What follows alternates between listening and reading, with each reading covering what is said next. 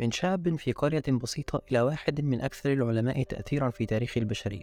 قصتنا اليوم عن مؤسس علم الجبر أبو عبد الله محمد بن موسى الخوارزمي الملقب بالخوارزم هو عالم رياضيات وفلك وفيلسوف ومهندس ومؤرخ إسلامي.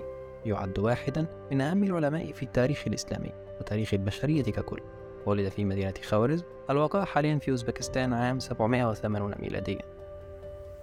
بعد ولادة الخوارزمي انتقلت عائلته من مدينة خوارزم إلى بغداد في العراق. وهناك قد تعلم الرياضيات في بيت الحكمة على يد ثلاثة من العلماء وقد حصل على جائزة في الرياضيات بعد عامين فقط من تعلمها.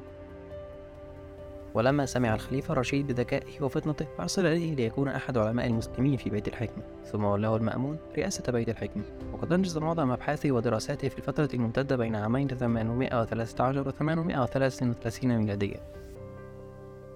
عندما كان يعمل في دار الحكمة في عهد الخليفة المأمون حيث تمكن من تأليف وترجمة العديد من الكتب في مجال علم الجبر والفلك وترجم العديد من المخطوطات العلمية من اليونانية إلى العربية كما نشر العديد من مؤلفاته باللغة العربية. ولكن لم يكن ذلك ليحدث لولا تدخل الواعظ الذي غير حياة أبو الرياضيات عندما أراد السفر إلى بغداد بحثا عن العلم. ولكن رفض أبوه ذلك. وبدأت الرواية عندما كان هناك واعظ يعيش في قرية صغيرة وفي يوم من الأيام أتى إليه محمد الخوارزمي أبو عالمنا وهو يبحث عن المشورة بشأن ابنه. قال للوعظ ابني يحب الرياضيات والحساب ويتميز بذكاء عال لكني لا أعرف ماذا يجب أن يفعل في المستقبل. هل يجب أن يتابع دراسته في هذا المجال؟ رد الواعظ نعم بالتأكيد يجب عليه أن يتابع دراسته في هذا المجال ويسعى لتطوير مهاراته. لكن لا يمكنه أن يفعل ذلك هنا في القرية. يجب أن يسافر ويتعلم من كبار العلماء. لكن محمدا لم يكن مقتنعا بالفكرة. قال لكني لا أريد أن يغادر ابني القرية ويتركني وحيدا هنا. وماذا لو حدث له شيئا أثناء سفره؟ رد الواعظ لكن إذا لم يسافر فلن يحصل ابنك على الفرص التي يحتاجها لتطوير مهاراته. وإذا كنت تخاف على سلامته فلديك الخيار. في مرافقته في رحلته ومساعدته على الوصول إلى أهدافه. بعد أن استمع إلى كلام الواعظ وافق محمد الخوارزمي على سفر ابنه ومرافقته في رحلته. وانطلق الابن في رحلته وبدأ يتعلم من الخبراء في مجال الرياضيات والحساب. وبعد سنوات من الدراسة والتعلم أصبح الابن خبيرا في هذا المجال وأحد أشهر العلماء في التاريخ. وفي النهاية أدرك محمد الخوارزمي أن قرار الواعظ كان صائبا وأنه كان يحتاج إلى الشجاعة لإرسال ابنه في رحلة البحث عن العلم. وهناك قصة شائعة في الثقافة العربية عن الخوارزمي وكانكاه وهي قصة مشهورة ولكنها ليست حقيقية بالضرورة. تدور القصة حول الخوارزمي الذي يعمل كمستشار للخليفة وفي يوم من الأيام أتى رجل يدعى كانكاه إلى الخليفة يطالب بحل مشكلته وكانت المشكلة هي أنه أراد تربية أغنام ولكنه كان يواجه صعوبة في توزيع الأغنام بين عدد محدود من المراعي.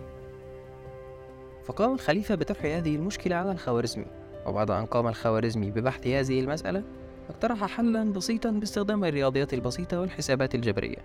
وبعد ذلك قام الخوارزمي بتعليم كنكاه الحل وبمساعدته على حل المشكلة واستطاع كنكاه توزيع الأغنام بسهولة ونجاح. وبعد أن انتهينا من سرد بعض تجاربه الحياتية سوف نعرض لك عزيزي المستمع بعضا من إسهاماته الأكثر شهرة. أولا في الجبر ابتكر الخوارزمي مفهوم الجبر الذي يعتبر من أهم الفروع الرياضية. وقد قدم الخوارزمي في كتابه الكتاب المختصر في حساب الجبر والمقابلة نظريات جديدة لحل المعادلات الخطية والتربيعية. ثانيا نظرية الأعداد. قام الخوارزمي بإثبات نظرية الأعداد بطريقة مختلفة وأدخل نظرية الأعداد الأولية على المستوى الرياضي. ثالثا الجداول الفلكية.